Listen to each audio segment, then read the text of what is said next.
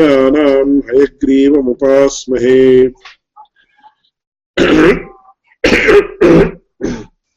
श्रीहयग्रीवाय नमः।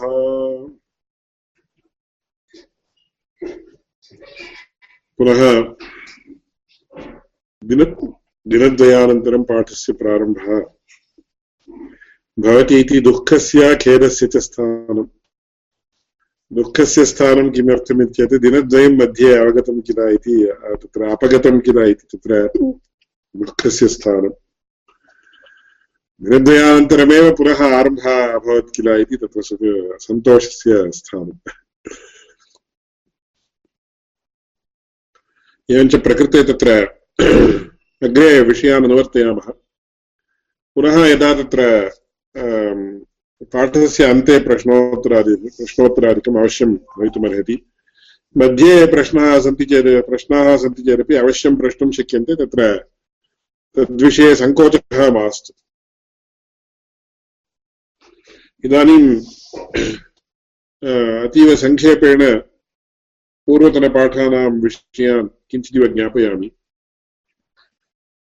तत्र भूतल, भूतले घटः इति वाक्यम् अस्माभिः विश्लेषणार्थं स्वीकृतम्। तत्र न्यायशास्त्रदृष्ट्या, अतीवशास्त्रीयदृष्ट्या इति उच्यते चेत् तदानीं त्रीणि पदानि सन्ति इति शक्तं पदम् इति अस्मात् पदादयमर्थो बोद्धव्यः इति ईश्वरसङ्केतशक्तिः इति विषयाः सर्वेपि उक्ताः पूर्वमेव। तत्र भूतला इति एकं पदं तदुपरि सप्तमीविभक्तिप्रत्ययः तदपि एकं पदं न्यायशास्त्रदृष्ट्या ततः परं घटः इति, इत्यत्र विद्यमानघटाख्यप्रातिपदिकम् इति त्रीणि पदानि। भूतलपदस्य भूतलम् इति फ्लोर् इत्यर्थः घटपदस्य कलशः इत्यर्थः सप्तमीविभक्तिप्रत्ययस्य अधिकरणत्वम् अर्थः इति अस्माभिः उच्यते। अत्र न्यायशास्त्रे अन्योपि अवधेयः विषयः अतीव प्रधानः। तत्र अस्मिन् विषये पूर्वतनकक्षास्वपि विस्तरेण उक्तम्। तत्र घटः अन्यः, घटत्वं मन्यते। बहुभिः जनैः तत्र घटत्वम् इति घटः इति पर्यायत्वेन गृह्यते वास्तवतया तत् नास्ति, कुतः चेत् न्यायशास्त्रे धर्मी अन्यः, धर्मः अन्यः। कदापि तत्र धर्मधर्मिणोः कथमपि साङ्कर्यं नास्ति। अतः तत्र घटः इत्यस्य कम्बुग्रीवाद्याकारविशिष्टव्यक्तिः इति अस्माभिः तत्र विवरणं दीयते।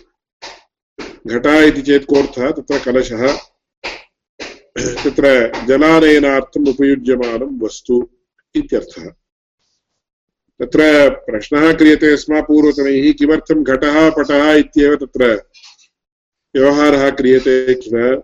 भगवद्रामानुजाचार्यैरपि श्रीभाष्यग्रन्थे अयं घटः, सोऽयं घटः इति घटपदस्यैव कुतः उल्लेखः क्रियते। किमर्थम् अन्यः पदार्थः कोऽपि नासीद्वा इति तत्र कैश्चिदुच्यते एवम्। अन्ये एके अस्माकम् अध्यापकाः उत्तमविद्वांसः आसन्। ते तावत् विनोदार्थं वदेयुः। किं भोः, भवतां शास्त्रे अग्रे तत्र खण्डपटः इत्यादिकमपि आगच्छति। वह्नि धूमः, घटः, खण्डपटः इति सर्वं तत्र अपरक्रियासम्बन्धी एव सर्वम् उच्यते किल, भवतां शास्त्रमेव अपरक्रियासम्बन्धी शास्त्रं गच्छन्तु इति तत्र विनोदं कुर्युः ते विनोदं कुर्युः ते तावत् न्यायशास्त्रविषये किञ्चिदिव तेषाम् अविश्वासः आसीत् इति वक्तुं शक्यते। परन्तु तत्र जयन्तभट्टः इति महाविद्वान् एकादशशताब्दीयः। सः न्यायमञ्जर्याख्यम् अतीव उत्तमं ग्रन्थं रचयामास। तत्र अग्रे आगच्छति अयं विषयः, परन्तु एते विषयाः सर्वे विषयाः सर्वत्र सम्बद्धाः। अतः तत्र एतेषां विषये उल्लेखो वा, एतेषां विषये ज्ञानं, विषयस्य ज्ञानं वा न, तत्र अप्रस्तुतम् इति अहं मन्ये। तत्र शक्तिः इति इदानीम् अस्माभिः व्यवहारः क्रियमाण, क्रियमाणः अस्ति। अस्मात् पदात् अयमर्थो बोद्धव्यः इति ईश्वरसङ्केतः शक्तिः तदुपरि अन्या काचित् वृत्तिः वर्तते। सा लक्षणा इति उच्यते। लक्षणा नाम शक्यसम्बन्धः। तस्य विषये अपि स्लैड् इत्यादिकं निर्मितमस्ति तस्य पश्चात् पश्चात् प्रदर्शयामि। यथा इदानीम् अतीव सुलभम् उदाहरणं प्राचीने काले गङ्गायां घोषः इति उदाहरणं दीयते स्म। तदपेक्षया सुलभम् उदाहरणं तत्र सिंहो देवदत्तः, अथवा सिंहो माणवकः इति। सिंहो माणवकः इत्युच्यते चेत् माणवकः माणवकः ब्रह्मचारी। ब्रह्मचारी कथं सिंहो भवितुमर्हति? सिंहः खलु अरण्ये अटति तत्र मृगान् हन्ति, मृगान् भक्षयति। एवं सति माणवकः अपि एवं करोति वा? तस्य केसरादिकं वर्त, वर्तते वा इति चेत् न। तत्र सिंहसदृशो माणवकः इत्यर्थः तदानीं सिंहपदस्य सिंहसदृशे लक्षणा सिंहपदस्य शक्यार्थः इति उच्यते। शक्यार्थः नाम शक्त्याख्यवृत्त्या बोध्यमानः अर्थः शक्यार्थः इति। एवं लक्षणाख्यवृत्त्या बोध्यमानः अर्थः लक्ष्यार्थः इति उच्यते। लक्ष्य शक्यार्थः तावत् सामान्यतया सार्वत्रिकः। परन्तु यत्र शक्यार्थबाधो भवति, यथा सिंहो इति उच्यते चेत् तत्र माणवकः सिंहो न भवितुमर्हति। सिंहाभिन्नो माणवकः इति शक्यार्थबोधः, शाब्दबोधः। माणवकः सिंहो न भवितुमर्हति, कथं सिंहो भवितुमर्हति? अतः अत्र शक्यार्थबाधः वर्तते। इति चेत् यत् यथा उक्तं तत् तथैव अस्माभिः न गृहीतुं शक्यते। शक्यार्थबाधः क्रियते चेत् तत्र तात्पर्यानुगुणतया तत्र लक्ष्यार्थः स्वीकर्तव्यः, लक्षणा इति। लक्षणम् इति असाधारणधर्मः इति गन्धः पृथिव्याः लक्षणम् इति। तत्र अकारान्तनपुंसकलिङ्गतया उच्यते चेत् असाधारणधर्मः इत्यर्थः। लक्षणा इति आकारान्तस्त्रीलिङ्गतया उच्यते चेत् तत्र पदपदार्थयोर्विद्यमानसम्बन्धविशेषः इत्यर्थः। अतः उभयोः तत्र कन्फ्यूषन्, साङ्कर्यं न कर्तव्यम्। एवञ्च तत्र सिंहः माणवकः इत्येत् कोऽर्थः सिंहसदृशः माणवकः कथं सिंहसादृश्यं? कस्मिन् अंशे सादृश्यं तदपि वक्तव्यं भवति। कस्मिन् अंशे सादृश्यम् इति चेत् शौर्यादिगुणसम्पन्नः इत्यर्थः। न तु तत्र यथा सिंहः मृगान् हन्ति भक्षयति तथा अयं माणवकोऽपि हन्ति भक्षयति इति अतः सिंहः यथा यथा अतीव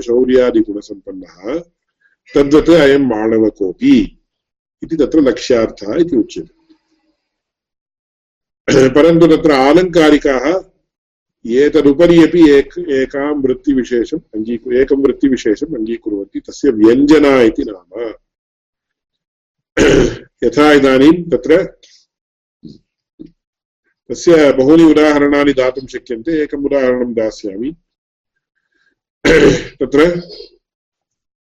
प्रथम, प्रथमं तत्र शक्यार्थः, ततः परं लक्ष्यार्थः, ततः परं तत्र, ततः परं विद्यमानः अर्थः, व्यङ्ग्यार्थः इति व्यञ्जना इति तस्याः वृत्तेः नाम।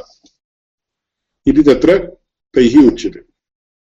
अतः शक्यं, लक्ष्यं व्यङ्ग्यम् इति एकम्। तस्य उदाहरणं यथा, तत्र यथा कश्चन बालः तत्र आलङ्कारिक उदाहरणानि बहूनि सन्ति। अतीव रस्यानि, परन्तु अत्र तत्सर्वं मास्तु। तत्र कश्चित् पुत्रः आसीत्, पितुः पुत्रः। सः अल्पज्ञः, अल्पवयस्कः। सः किमकरोत् तत्र कदाचित् तस्य शत्रोः गृहं भोजनं कृतवान्। तदानीं तस्य पित्रा सः अंशः ज्ञातः तदानीं पित्रा अतीव कोपेन कोपेन उक्तं विषं भुङ्क्ष्व। कुतः चेत् तत्र महाभारते उच्यते द्विषदन्नं न भोक्तव्यं, द्विषन्तं नैव भोजयेत् एवञ्च तत्र विषं भुङ्क्ष्व इत्यस्य अर्थः कः? इत्येतत्, झटिति तत्र पुत्रेण गत्वा तत्र विषस्वीकरणं कर्तव्यं वा न कर्तव्यम्। कुतः पितुः तथा तात्पर्यं नास्ति। किन्तु विषं भुङ्क्ष्व इत्येतत् विषभोजनमपि शत्रुग्रहभोजनापेक्षया वरम् इत्यर्थः। तेन इतः परं तत्र शत्रुग्रहभोजनं न कर्तव्यम् इत्यर्थः। विषं भुङ्क्ष्व इति वाक्यात् शत्रुगृहं न गच्छ अथवा शत्रुगृहे न भुङ्क्ष्व इत्येवमर्थः कथं तत्र ज्ञातव्यः इत्येतत् लक्ष्यार्थः अपि न लक्ष्यार्थमपि अतीत्य एका वृत्तिर्वर्तते व्यञ्जनावृत्तिः इति अयं व्यङ्ग्यार्थः ಭಾಷಾಯಾಪಿ ಪ್ರಯೋಗः वर्तते ವ್ಯಂಗ್ಯಮ ವ್ಯಂಗ್ಯಮ ಶನ್ನಾರ್ ವ್ಯಂಗ್ಯವಾಗಿ ಹೇಳಿದರು इति ಕನ್ನಡ कर्णाटकभाषायाम् इतरभाषास्वपि वर्तते अतः तत्र व्यञ्जना इति काचन वृत्तिः वर्तते इति ते वदन्ति परन्तु तार्किकैः नाङ्गीक्रियते तस्य विषयः बहु वर्तते, इदानीं न उच्यते, परन्तु न्यायमञ्जरीकारः वदति। तैः सह विस्तरेण चर्चां कृत्वा सः सम्यक् वदति। किञ्चित् हास्येन, विनोदेन च वदति। अथवाने दृशी चर्चा, कविभिः सह शोभते। विद्वांसोऽपि विमुह्यन्ति। वाक्यार्थगहरे अध्वनि। इति अयो किमर्थं भो एतैः साकम् एते तावत् कवयः? कवीनां सविधे गत्वा किमर्थं भवद्भिः वाक्यार्थः क्रियते? एते आङ्ग्लभाषायां persons, poor people, why do you go and have engaged them in a इति आङ्ग्लभाषायाम् उच्यते किल? एते तावत् कवयः? तत्र रगण रगणः जगणः भगणः इति एवं योजयित्वा योजयित्वा किञ्चित् कवितादिकं कुर्वन्ति। एतैः सह भवद्भिः वाक्यार्थः क्रियते चेत् ते किं कुर्युः? अयो अयो पापम् अयो पावम् इति संस्कृत तत्र देशभाषायाम् उच्यते। तथा अथवा चर्चा कविभिः सह शोभते। विद्वांसोऽपि मुह्यन्ति वाक्यार्थगहरे ध्वनि। महामा विद्वांसः तार्किकाः, वैयाकरणाः, मीमांसकाः। एते एव वाक्यार्थगहरे ध्वनि विमुह्यन्ति, मोहं माप्नुवन्ति। एवं विद्यमानत्वे एते साधारणाः कवयः तेषां सविधे गत्वा किमर्थं वाक्य वाक्यार्थः क्रियते तूष्णीं स्थीयताम् इति वदति सः। इति यत् स्वारस्यम् अस्माकं ग्रन्थेषु वर्तते इति अस्माभिः ज्ञायते। अस्तु एता एतत् सर्वम् इदानीं तत्र भूतल ये घटः। भूतल सप्तमी भक्तिः अनन्तरं घटः। भूतलपदस्य भूतलमर्थः। एतत् किमर्थं पुनः पुनः वदामि इति चेत्, भवतां मनसि तत् स्थापितं भवेदिति दृष्ट्या पौनरुक्त्यं क्रियते। तत्र पौनरुक्तिं दोषो वा पुनरुक्तिर्दोषो वा न वा इति चेत् तत्र कदाचित् पुनरुक्तिः दोषः इति तत्र वर्तते। वेदस्य प्रामाण्यं नास्ति इति आक्षेपं कुर्वद्भिः, तदप्रामाण्यम् अनृतव्याघातपुनरुक्तदोषेभ्यः इति पुनरुक्तिः दोषः इति उच्यते। परन्तु पुनरुक्तिः यः कोऽपि भवतु पुनरुक्तिर्वा भवतु, अन्यत् किमपि वा भवतु, स्वयं न दोषायते, स्वयं न गुणायते।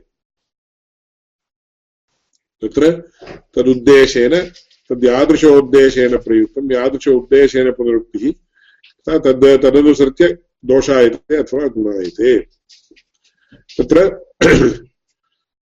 यदा इदानीं गच्छ गच्छ इति वदन्ति। गच्छ गच्छ इति उच्यते चेत् द्विवारं वीप्सा इति उच्यते, आम्रेडितम् इत्युच्यते संस्कृतभाषायां। तत्र गच्छ गच्छ इति किमर्थं द्विवारं वक्तव्यम्? एकवारम् उच्यते चेदेव खलु इति चेत् तत्र वीप्सा शैघ्र्यं द्योतयति। गच्छ गच्छ सः आगच्छति इदानीम् चेत् शैघ्र्येण गच्छ, शीघ्रं गच्छ इत्यर्थः। अतः तत्र वीप्सा तावत्, पौनरुक्त्यं तावत् शैघ्र्यं द्योतयति अतः तत्र अर्थविशेषस्य सद्भावात् गच्छ गच्छ इत्यत्र या पुनरुक्तिर्वर्तते, सा पुनरुक्तिः न दोषाय, किन्तु गुणाय। कुतः? तात्पर्यविशेषस्य सद्भावात् इति वक्तव्यम्। एवमेव भवतां मनसि इदं प्रतिष्ठापितं भवतु इति दृष्ट्या पुनः पुनः उच्यते। अतः अत्र किमेभिः एता एतेन एतावत्पर्यन्तं पुनः पुनः इदम् उच्यते खलु इति चिन्ता न कार्या एवञ्च प्रकृते तत्र भूतला इति भूतलमर्थः सप्तम्याः अधिकरणमर्थः इति, तत्र सप्तम्यधिकरणे च इति पाणिन्यनुशिष्टम्। परन्तु अधिकरणत्वमर्थः इति अस्माभिः उच्यते तत्र। भावप्रधाननिर्देशः इति कैश्चिदुच्यते अन्यैः अन्यथा कारणं दीयते। अस्तु, किमर्थम् इदं सर्वम् उल्लिखामि इति चेत्, अत्र सर्वत्रापि अस्ति अवकाशः, विचारस्य। एवं विचारः बाहुल्येन कृतोऽस्ति इति ज्ञापनार्थं मया इदं सर्वम् उच्यते तावदेव अधिकरणत्वमर्थः इति उक्त्वा अग्रे गन्तुं शक्यते परन्तु भवन्तः अत्र ये श्रोतारः सन्ति भवन्तः सर्वेपि प्रबुद्धाः प्रबुद्धत्वात् तत्र अत्र सर्वत्रापि अस्ति अवकाशः विस्तरस्य विचारस्य च इति भवतां मनसि यत्र कुत्रापि कोणे तिष्ठति चेदपि कदाचित् अस्माभिः तत्र ओ एवम् अत्र को विचारः इति प्रश्नः आगन्तुम् अर्हति अथवा अस्माभिः चर्चा कर्तुं शक्यते एवम् अन्योपि एकः विचारः एते सर्वेपि विचाराः अद्यतनीनकाल अति अद्यतनीनकालसम्बद्धाः चेत् किमर्थम् एतेषां विचारेण कोऽपि प्रयो किमपि प्रयोजनं नास्ति इति न अस्माभिः मन्तव्यम् इतः इदानीं लाङ्ग्वेज् टेक्नालजि इति यत् कम्प्यूटर् सम्बन्धितया तत्र उपयुज्यमानमस्ति तत्र तादृश लाङ्ग्वेज् टेक्नालजि विषये तत्र, एवं नेचुरल् लाङ्ग्वेज् प्रोसेसिङ्ग् इत्यादि सम्बद्धेषु विषयेषु एतेषां विचाराणाम् अत्यन्तप्रधान अन्वयः वर्तते इति ज्ञापयितुम् इच्छामि। एवञ्च सप्तम्याः अधिकरणत्वमर्थः। एवम् अग्रे घटः इत्यस्य घटपदार्थः, कम्बुग्रीवाद्याकारविशिष्टव्यक्तिः इत्यर्थः। एवमत्र पदार्थद्वयं वर्तते, भूतलम् इति एकः पदार्थः, घटः इति एकः पदार्थः, मूर्ततया वर्तते।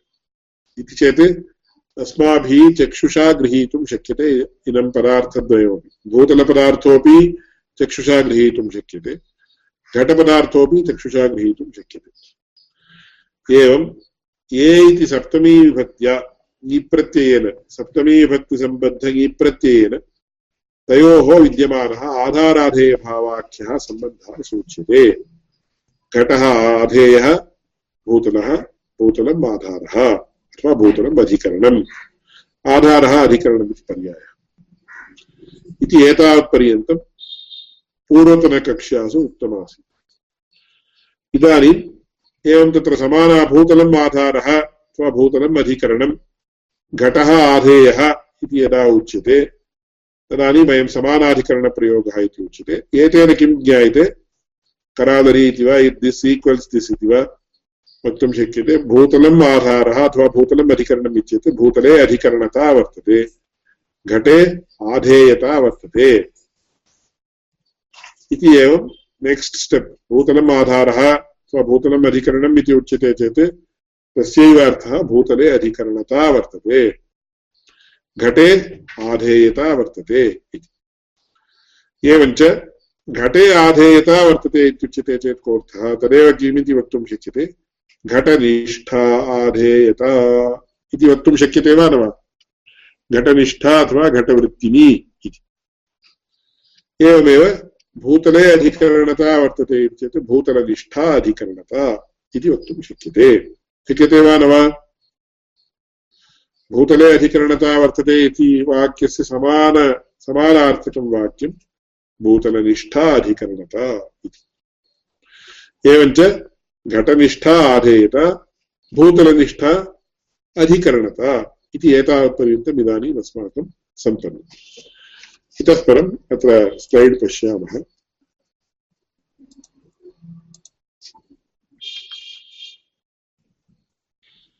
अत्र विद्यमानः विषयः अवगतः इति मन्ये। समानाधिकरणप्रयोगः घटः आधेयः। व्यधिकरणप्रयोगः घटे आधेयता वर्तते। एवं भूतलम् आधारः अथवा भूतलम् अधिकरणं व्यधिकरणप्रयोगः भूतले अधिकरणता वर्तते इति। अधिकरणता इति करणा इति नकारः स्लैड् मध्ये परित्यक्तः सः दृश्यते एव एकनिमिषम्। ओ मया स्क्रीन् शेर् न कृतं क्षम्यताम्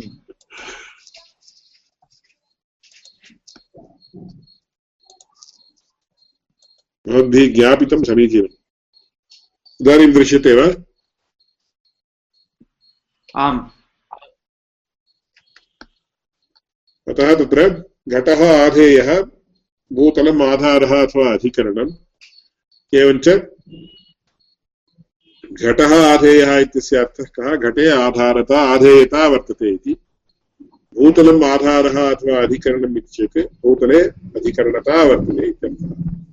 ज्ञातुं शक्यते। अत्र कोऽपि सन्देहः अस्ति वा? कोऽपि प्रश्नः अथवा सन्देहः अस्ति वा? न। इदानीं शाब्दबोधघट्टे आगताः वयम्। इदानीं घटनिष्ठा आधे इदानीं प्रथमं वामभागः एव स्वीक्रियताम् घटनिष्ठा आधेयत इति अस्माभिः ज्ञातं। ज्ञातं वा न वा? तत्र प्रत्युत्तरं देयं येन केनापि। घटनिष्ठा आधेयता इति अत्र कथमागतम् इति इदानीम् अस्माभिः ज्ञातम्। एवं खलु? आम्। एवं भूतलनिष्ठा अधिकरणता इति अस्माभिः ज्ञातम्। इदानीम् आधेयतायाः अधिकरणतायाश्च कः सम्बन्धः? इति अस्माभिः प्रश्नः क्रियते चेत् निरूपितत्वं सम्बन्धः। ज्ञायते वा? हम्म। निरूपितम् इति चेत् तत्र सुलभतया ज्ञातुं शक्यते। निरूपितम् इति तस्य पुनः निरूपणम् इत्यादिकं तत्र विश्लिष्य वक्तुं शक्यते। परन्तु विश्लेषणस्य इदानीम् आवश्यकता नास्ति कुतः इति अतीव सूक्ष्मं भवति तत् अतः इदानीं यथा पितृपुत्रभावः इति उच्यते चेत् पितृत्वस्य, पुत्रत्वस्य च निरूप्यनिरूपकभावसम्बन्धः इति उच्यते अस्माभिः। परन्तु पितृत्वनिरूपितं पुत्रत्वं, पुत्रत्वनिरूपितं पितृत्वम् इति उच्यते चेत् ज्ञायते खलु। सहजतया तस्य अर्थः ज्ञायते। एवमेव अत्रापि तत्र निरूपितत्वं सम्बन्धः। एवञ्च निरूपिता इति वाक्यप्रयोगावसरे वक्तव्यम्। अत्र अधिकरणतायाः आधेयतायाश्च निरूपितत्वं सम्बन्धः इति अस्माभिः उच्यते। एवञ्च इदानीं भूतले घटः, भूतलमिति भूतले घटः इति वाक्यं वा भवतु घटवद्भूतलमिति वाक्यं वा भवतु। तत्र अस्य शाब्दबोधः कथमुच्यते इति चेत् घटनिष्ठ आधेयतानिरूपित अधिकरणता आश्रयः भूतलम्। भूतले अधिकरणता वर्तते इति उच्यते चेदपि एकमेव। अधिकरणतायाः आश्रयः भूतलम् इति उच्यते चेदपि एकमेव। तत्र व्यत्यासो नास्ति। एवञ्च घटनिष्ठ आधेयतानिरूपित अधिकरणताश्रयः भूतलम्। इति शाब्दबोधः कथम् आगतः इति इदानीं ज्ञायते वा? एकवारं ये प्रत्येकत प्रत्येकशः वदन्तु घटनिष्ठ आधेयतानुरूपित अधिकरणताश्रयः भूतलम्। सर्वैः एकवारं पृथक् पृथक् वक्तव्यम्। प्रथमम् आनन्दः वदतु। घटनिष्ठ आधेयतानिरूपित अधिकरणताश्रयः भूतलम्। गुरुप्रसादमहाभागः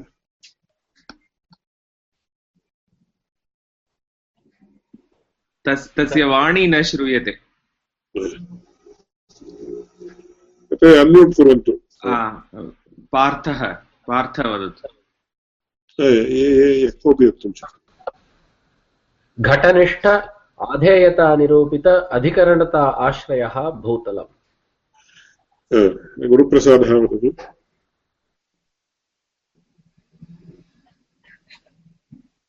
अथवा ज्ञातं चेत् तत्र हानिर्नास्ति किमर्थं भवद्भिः वक्तव्यम् इति मया उच्यते इति चेत्, शब्दप्रयोगः अस्माभिरेव पुनः पुनः न क्रियते चेत् नवीनन्यायशास्त्रे क्लेशः भवति। अतः तत्र मया पुनः पुनः उच्यतामिति तत्र आग्रहः एवञ्च घटनिष्ठ आधेयतानिरूपित अधिकरणताश्रयः भूतलम्। इति यथा उक्तम्।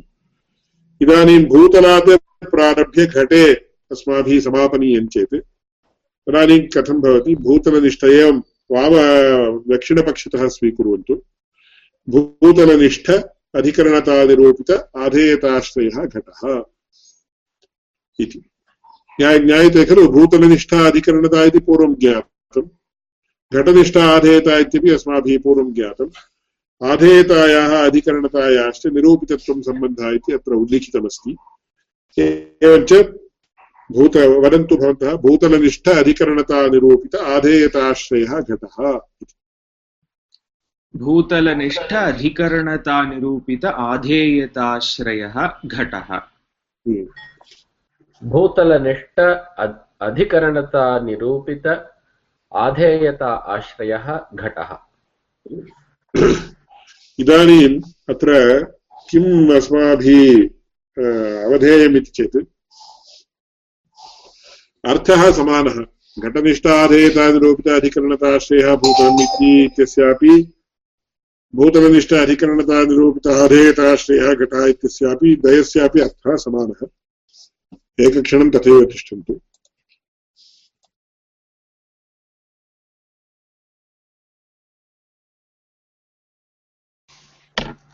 आनन्द एतद् आङ्ग्लभाषायां वदतु निष्ठा इति चेत् किं निरूपित?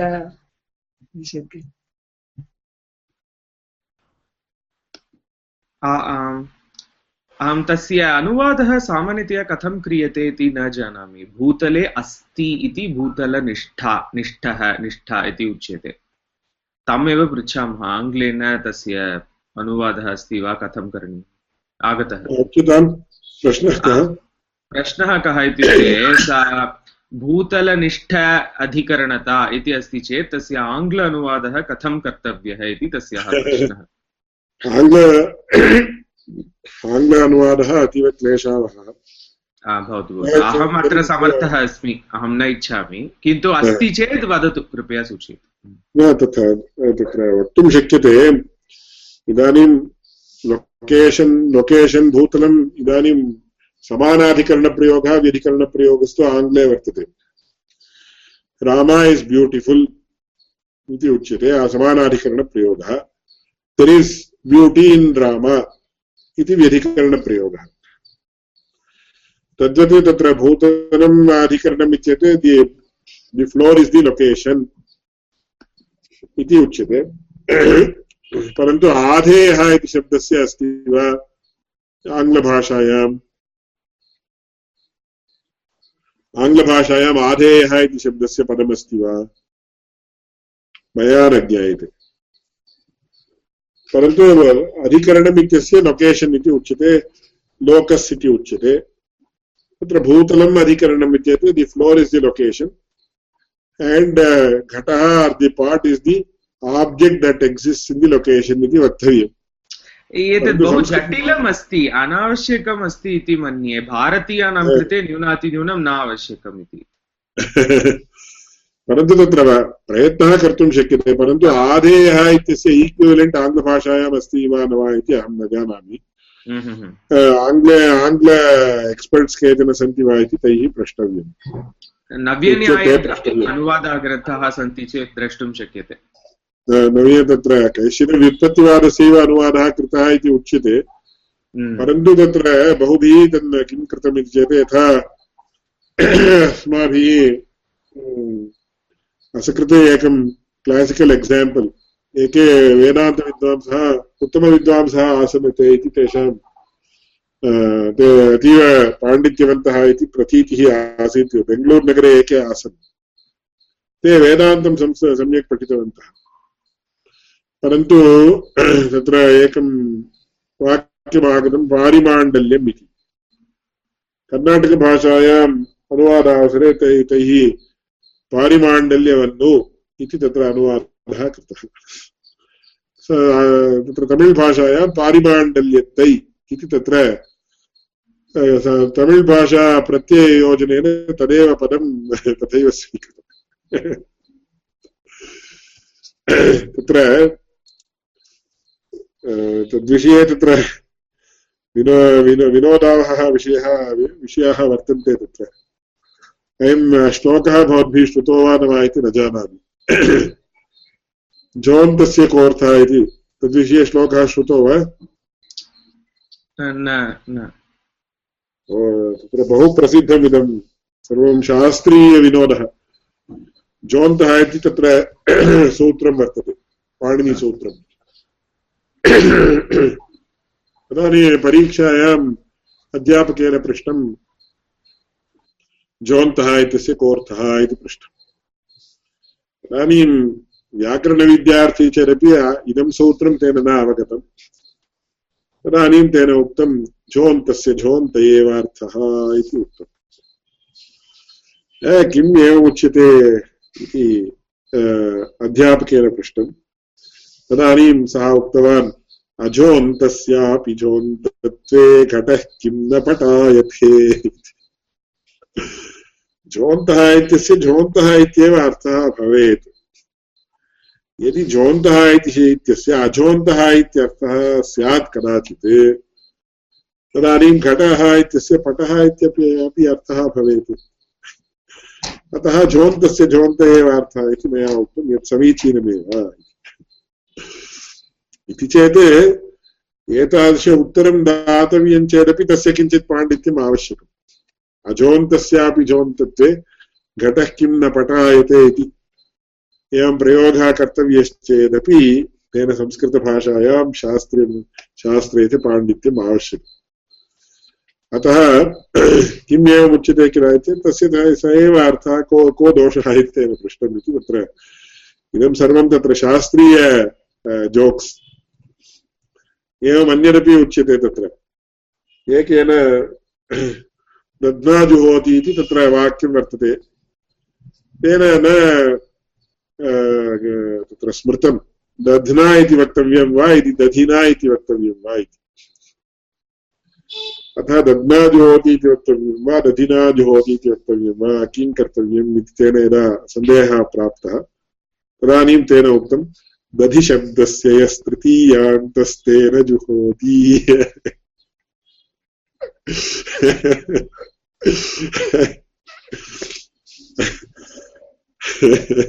एतद् उत्तममस्ति। सर्वदा रूप रूपविषये एव भ्रमः जायते सर्वदा। चेत् तत्र कोऽपि दोषः नास्ति। एवं बहुविनोदाः संस्कृतभाषायां सहस्रशः वर्तन्ते। परन्तु संस्कृतभाषा यैः सम्यक् ज्ञायते, तैरेव एते एते तत्र एतेषाम् एञ्जाय्मेण्ट् जायते नो चेत् इतरे न एञ्जाय् कर्तुं प्रभवन्ति इदं सर्वं। परन्तु इदं तावत् तत्र शताभिषेकं स्वामिनः इति उत्तमविद्वांसः आसन् तत्र। भगवद्विषय अधिकारिणः एवं तत्र श्रीभाष्य अधिकारिणः बहु पूर्वं तेषां मम बाल्ये तैः एवं प्रश्नं कृत्वा एवं तैः उत्तरं ज्ञापितमासीत्। एवञ्च प्रकृते तत्र भूतल भूतल, भूतले तत्र अत एव आधेयः इति शब्दस्य अस्ति वा? ईक्विवलेण्ट् आङ्ग्लभाषायाम् इति। न अस्माभिः ज्ञायते। मया तावत् न ज्ञातं। साक्षात् पदमस्ति वा इति। किञ्चित् an object that exists in the in a location इति उच्यते चेदपि सः आधेयः इति शब्दस्य एक्साक्ट् अर्थः इति। तत्र निष्कृष्टार्थः न आगच्छति। अतः एवं भूतले अधिकरणता वर्तते इति यदि अस्माभिः कर्तव्यं, यदि आङ्ग्लभाषायां वक्तव्यं, बहु क्लेशः अनुभोक्तव्यः। There is locationness in the floor इति वक्तव्यम्। परन्तु लौकिकविषयेषु तु वक्तुं शक्यते, यथा रामा इस् ब्यूटिफुल् इति समानाधिकरणप्रयोगः क्रियते चेत् there exists beauty in Rama इति अस्माभिः वक्तुं शक्यते। परन्तु शास्त्रीयविषये एवं न वक्तुं शक्यते। एवञ्च प्रकृते तत्र भूतलनिष्ठ इदम् इदम् अतीव कुतः एतदाधारीकृत्यैव अग्रे सर्वमपि यथा इदानीम् इदं फौण्डेशन् एतत् फौण्डेशन् उपरि एव अस्माभिः तत्र भवनानि निर्मा, निर्मे, निर्मातव्यानि भवन्ति अथवा निर्मितानि भवन्ति, द्वयमपि। एवञ्च घटनिष्ठ आधेयतानिरूपित अधिकरणताश्रयः भूतलम्। इति तत्र घटवद्भूतलम् इति वाक्यस्य अर्थः। समानार्थकः भूतले घटः इति वाक्यम्। भूतलनिष्ठ अधिकरणतानिरूपित आधेयताश्रयः घटः इति। अत्र अपरः अपि विषयः अतीव प्रधानतया अवधेयः। किमिति चेत् तत्र संस्कृतभाषायां पेक्युलियारिटि इति आङ्ग्लभाषायाम् उच्यते। संस्कृतभाषायामेव एक्स्क्लूसिव् इति प्रयोगाः केचन अथवा नियमाः अथवा भाषा पेक्युलियारिटि इति वर्तते, तद् वर्तते। इदानीम् अस्माभिः घटवद्भूतलम् इति एकः प्रयोगः क्रियते। अस्य प्रयोगस्य अर्थः ज्ञायते खलु? घटवत् इत्येतत् घटः अस्य अस्ति अथवा घटः अस्मिन् अस्ति इति घटवत्। इति मतुप्रत्ययः योजितः। मतुप्रत्ययस्य अर्थः कः? तत्र तदस्यास्त्यस्मिन् इति मतुप् इति पाणिनिसूत्रम् तदस्य अस्ति तदस्मिन् अस्ति। इति अर्थद्वयेपि तत्र मतुप्रत्ययः योजयितुं शक्यते। अतः तदस्य अस्ति, अस्मिन् अस्ति इति मतुप् इति तत्र, तत्रापि मतुबर्थाः कति इति सप्तार्थाः इति अन्यत्र श्लोके कारिकायां वर्तते।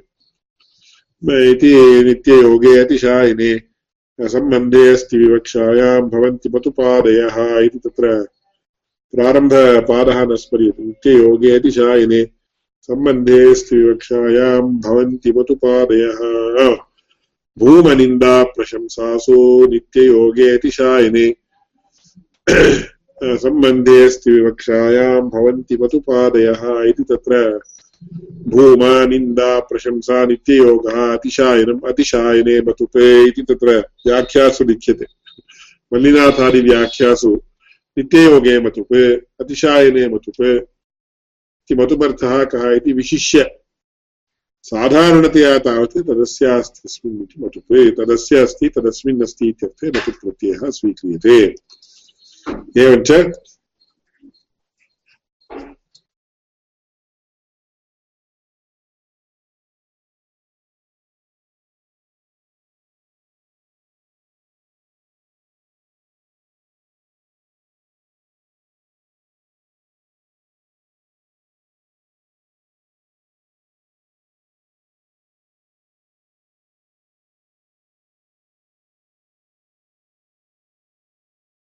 अतः तत्र एतादृशप्रयोगः घटः अस्य अस्ति इति घटवत् घटवद्भूतलम् इति उच्यते। घटवद्भूतलम् इत्येते घटः अस्य अस्ति इति घटवत् इति घटविशिष्टं भूतलम् इत्यर्थः। भूतले घटः इति प्रयोगस्य घटवद्भूतलम् इति प्रयोगस्य च अर्थभेदो नास्ति। कुतः घटवद्भूतलम् उच्यते चेदपि भूतलमेव अधिकरणं घटः एव आधेयः। भूतले घटः इति उच्यते चेदपि भूतलमेव अधिकरणं घटः एव आधेयः। अतः तत्र शाब्दबोधोऽपि अर्थदृष्ट्या समानः तुल्यः। परन्तु तस्य विवरणं प्रकारान्तरेण प्रकारान्तरेण क्रियते। यथा इदानीं दशरथस्य पुत्रः रामः इति उच्यते चेत्, तदानीं दशरथ रामः इति तत्र विशेष्यम् इति उच्यते, दशरथस्य इति विशेषणम् इति उच्यते। यद्यपि तत्र समानविभक्तिकत्वम् इत्यादिकम् आवश्यकं वर्तते, परन्तु तत्र तत्र कथं शाब्दबोधः इति पश्चात् मया तत्र प्रतिपाद्यते इदानीं किञ्चिदिव अतीव गहनं भवति इदानीम् आरम्भावस्थायां स्मः। अतः तत्र घटवद्भूतलम् इति प्रयोगः क्रियते चेत् तत्र अन्ते भूतलम् इति विशेष्यम् आगच्छति भूतले घटः इति उच्यते चेत् अन्ते घटः प्रधानतया भवेत्। अन्ते यद्भवति तत् मुख्यविशेष्यम् इति अतः अग्रे एते सर्वेपि विषयाः समुद्रवत् वर्तन्ते। तत्र शाब्दबोधविवरणावसरे नैयायिकैः प्रथमान्तार्थमुख्यविशेष्यकशाब्दबोधः इति तत्र एतादृश थियरि एतादृशक्रमः अनुस्रियते वैयाकरणैस्तावत् धात्वर्थमुख्यविशेषकशाब्दबोधः इति क्रमः अनुस्रियते मीमांसकैस्तावत् भावनामुख्यविशेषकशाब्दबोधः इति अनुस्रियते परन्तु तत्र सार्वत्रिकतया अन्वयः कर्तव्यश्चेत् तत्र प्रथमान्तार्थमुख्यविशेषकशाब्दबोधे एव अनुभवानुरोधः तत्र प्रिन्सिपल् वैस् अतीव स्ट्राङ्ग् भावनामुख्यशेषिकशाब्दबोधः तावत् वेदवाक्यसम्बन्धी अतः न सार्वत्रिकः. यद्यपि मीमांसकैः सार्वत्रिकः इति तत्र प्रदर्शयितुं बहु प्रयासः क्रियते. वैयाकरणैस्तावत् धात्वर्थमुख्यविशेषकशाब्दबोधः इति क्रियते.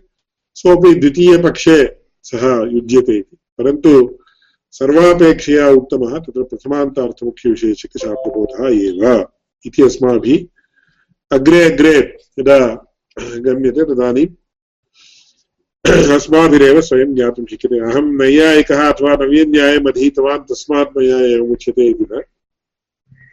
तत्र सहजतया कुतः चेत् अस्मक अस्माकम् आचार्यैः असकृत् उच्यते स्म। एतदर्थमेव आगताः एते नवीनैयायिकाः, अतः एतैरेव तत्र सम्यक् निरूपणं कर्तुं शक्यमभूत्। वैयाकरणास्तु तत्र तद्विषयेपि बहु वक्तव्यमस्ति अस्मद् आचार्यैः उक्तं, तत् पश्चादुच्यते, सर्वमिदानीमेव उच्यते चेत् भवतां क्लेशावहं स्यात्। परन्तु तत्र प्रथमान्तार्थमुख्यविशेषकशाब्दबोधः, मुख्यविशेषः चेत् अन्ते इदानीम् एतावत् गृह्णन्तु, अन्ते सः यः उच्यते स एव प्रधानः। अतः भूतले घटः चेत् घटः प्रधानः, भूतलम् अप्रधानं भवति। घटवद्भूतलम् इति उच्यते चेत् भूतलं प्रधानं भवति, घटः अप्रधानः। प्राधान्यं किं कृतम् इति पुनः प्रश्नः स्यात्। तस्य विषयेपि पश्चादुच्यते अतः इदानीम् अस्माभिः एवं शाब्दबोधः अवगन्तव्यः।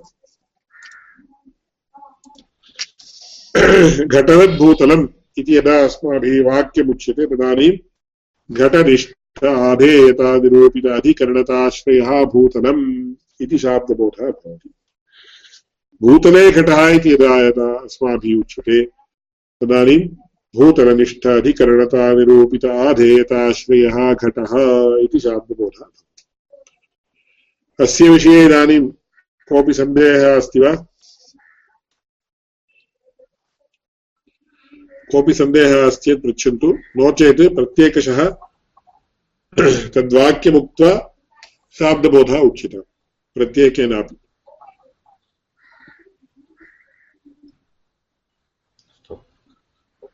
अहं करोमि वा? कुर्वन्तु। घटवत् भूतलम् इति। प्रतिध्वनिः श्रूयते। नास्ति भवन्तः वदन्तु। घटवत् भूतलम् इत्येतद् घटनिष्ठता आश्रयः। भूतले घटः शाब्दबोधः। भूतलनिष्ठ अधिकरणता निरूपित आधेयता आश्रयः घटः इति। समीचीनम् अत्र सन्देहः अस्ति वा कोऽपि? कस्मिन्नपि अंशे अथवा सर्वं तत्र क्लियर् इति। सर्वं तत्र स्पष्टमस्ति वा? सर्वं स्पष्टम् अवगम्यते इति मन्ये। आनन्दमहाभागाः भवन्तः वदन्तु। भूतले घटः भूतल भूतलनिष्ठ अधिकरणता निरूपित आधेयताश्रयः घटः। घटवत् भूतलं घटनिष्ठ आधेयता निरूपित अधिकरणता आश्रयः भूतलम्। समीचीनम्। अत्र यथा वाक्ये क्रमः अस्ति ततः प्रथमशब्दादारभ्य द्वितीयपर्यन्तं गन्तव्यम् इति वा? न तत्र प्रथमाविभक्त्यन्तं पदम् अन्ते भवति यथा भूतले घटः इति उच्यते चेत्। घटः अन्ते भवेत्। इति इदानीं गृह्णन्तु तावदेव। अतः अत्र मुख्यविशेष्यम् इति मया उक्तं। मुख्यविशेष्यं नाम किं प्रकारविशेष्यभावो नाम कः इत्यादि विषयाः पश्चात् प्रस्तूयन्ते तदानीम् इतोपि स्पष्टं भवति। परन्तु अन्ते यद्भवति तत् प्रधानम् इति इदानीं साधारणतया गृह्यताम्। अन्ते भवति चेत् कथं प्रधानं प्राधान्यं किं कृतं कथं निर्णेतुं शक्यते इत्यादि प्रश्नानां सर्वेषामपि उत्तरं वर्तते। अतः घटः इति प्राधान्येन स्यात् चेत् अन्ते भवेत् इति चेत् भूतलनिष्ठाधिकरणतादिरूपिताधेयताश्रयः कः? घटः इति। घटवद्भूतलम् इत्येत् विशेष्यं किं भूतलं विशेष्यं घटवत्वम् अथवा घटः विशेषणम्। तस्मात् घटम् आरभ्य भूतलपर्यन्तं वक्तव्यम् तदानीं किं भवति? घटनिष्ठादेतादिरूपिताधिकरणताश्रयः भूतलम् ज्ञायते वा अर्थः? आम् ज्ञायते मम भवति? घटनिष्ठाधेयतानुरूपित अधिकरणताश्रयः भूतलमित्येत् चेत् किमुक्तं भवति। घट एव आधेयः भूतलमेव अधिकरणम् अनयोः आधाराधेयभावसम्बन्धः वर्तते इति उक्तम् घटे भूतले घटः इत्यस्य इति वाक्यस्य श्रवणेन अस्माभिः किं ज्ञातम् इति विश्लेषणं क्रियते चेत्, अस्माभिः ज्ञातस्य विषयस्य अस्माभिः ज्ञातस्य विषयस्य तत्र अभिलपनम् इति उच्यते संस्कृतभाषायाम्। अभिलापकशब्दप्रयोगः इति। अभिलपनं क्रियते भवद्भिः इदानीं किमिति ज्ञातम्? इदानीम् इमां लेखनीं प्रदर्शयामि। ये किमिति ज्ञातम् एतत् भवद्भिः?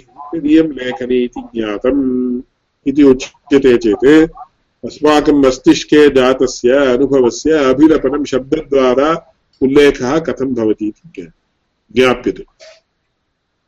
इदानीं भूतले घटः इति वाक्यस्य शाब्दबोधः कः इति प्रश्नः क्रियते चेत् भूतलनिष्ठाधिकरणतानिरूपिताधेताश्रयः घटः इति शाब्दबोधः। इति उच्यते चेत् कोऽर्थः?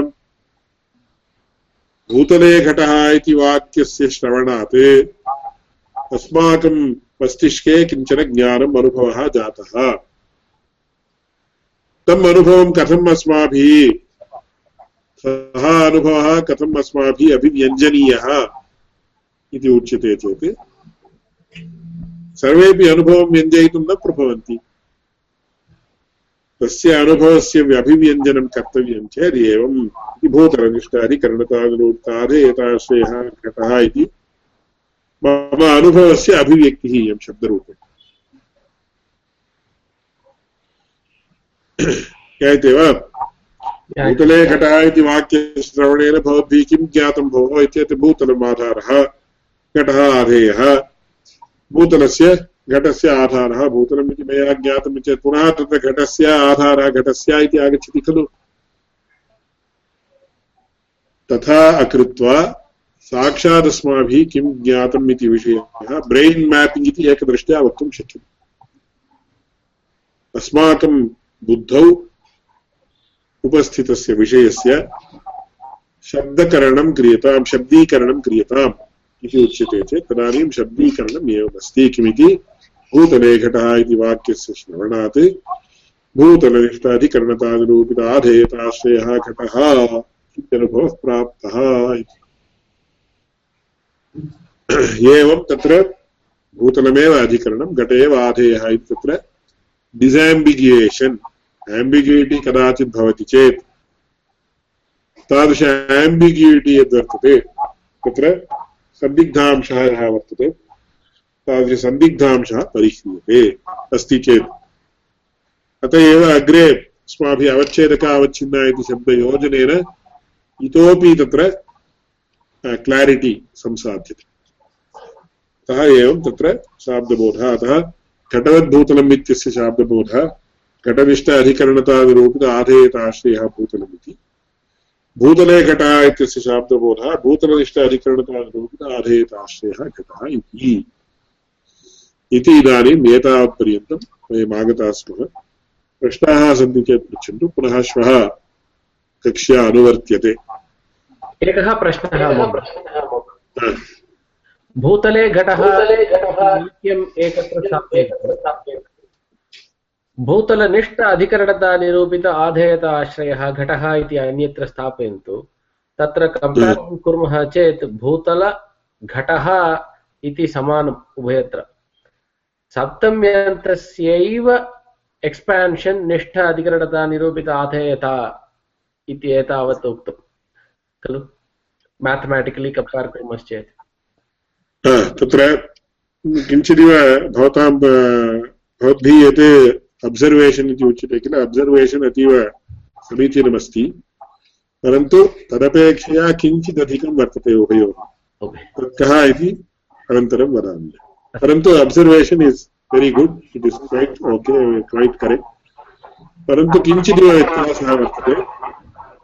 सः व्युत्पत्तिवादाख्ये ग्रन्थे कथम् इति प्रदर्श्यते तद्विषये किञ्चित् प्रस्तौमि अग्रिमकक्षायाम् धन्यवादः अवश्यम् अवश्यम् अतीव उत्तमः अब्सर्वेशन् अस्ति अन्यः कोऽपि प्रश्नः अस्ति वा अहम् एकं विषयद्वयं वक्तुम् इच्छामि प्रथमतया भवता उक्तं पूर्वमपि उक्तम् इदानीमपि एकः समासः एव अस्ति अस्माकं शाब्दबोधः इति इत्युक्ते यद् उच्यते अत्र भूतलनिष्ठ अधिकरणता निरूपिता आधेयताश्रयः घटः इति यद् उच्यते तत्तु ये यद् भूतले घटः इत्यत्र अस्माभिः एकत्र एकदा अवगम्यते तथा इति। तत्र अहं केवलम् एतस्य स्पष्टीकरणार्थं तत्र समास विग्रहवाक्यवत् किञ्चित् वक्तुम् इच्छामि द्वि द्वित्राणि। तत् सम्यक् वा इति वदतु? भूतले निष्ठा भूतलनिष्ठा इति वा? इत्युक्ते तथा वक्तव्यं किल? भूतले भूतले निष्ठा भूतलनिष्ठा भूतलनिष्ठा अधिकरणता भूतलनिष्ठा अधिकरणता इति कर्मधारय भवति। भूतलनिष्ठा च अधिकरणता। च भूतलनिष्ठा कर्मधारय भूतलनिष्ठाधिकरणतया निरूपित इति भवेत् वा तत्र? एवम्। अग्रे भूतलनिष्ठा अधिकरणतया निरूपिता का इत्येते भूतलनिष्ठा आधेयता इति भवति। इदानीं भूतलनिष्ठा अधिकरणता निरूपिता आधेयता। आधेय तादृश आधेयतायाः आश्रयः भूतलनिष्ठा अधिकरणता तदेव। तद् किञ्चित् स्पष्टीकरणं कर्तुम् इष्टवान् भवतु। अनन्तरं अन्य एकः प्रश्नः अस्ति तद् इदानीम् उचितं वा अग्रे वक्ष्यते वा तस्मिन् विषये इति भवान् क्रियतां यदि तत्र इदानीं तत्र उत्तरार्हं तर्हि इदानीमेव वदामि नो चेत् पश्चात् इदानीं नीलः घटः इति अस्ति तत्र एकस्मिन् नीलः घटः इति अस्ति एकस्मिन् वस्तुनि नीलत्वं विद्यते घटत्वं विद्यते इति उच्यते। तत्र प्रश्नः सामान्यव्यवहारे अथवा न्यायशास्त्रेपि विशेषणम् एकं विशेष्यम् एकम् इति वदामः। काः विशेषणं किं विशेष्यं किम् इति कथं निर्णयं कुर्मः इति प्रश्नः। इत्युक्ते अन्यत् किमर्थं न विशेषणम् एतद् विशेष्यं किमर्थं न भवति।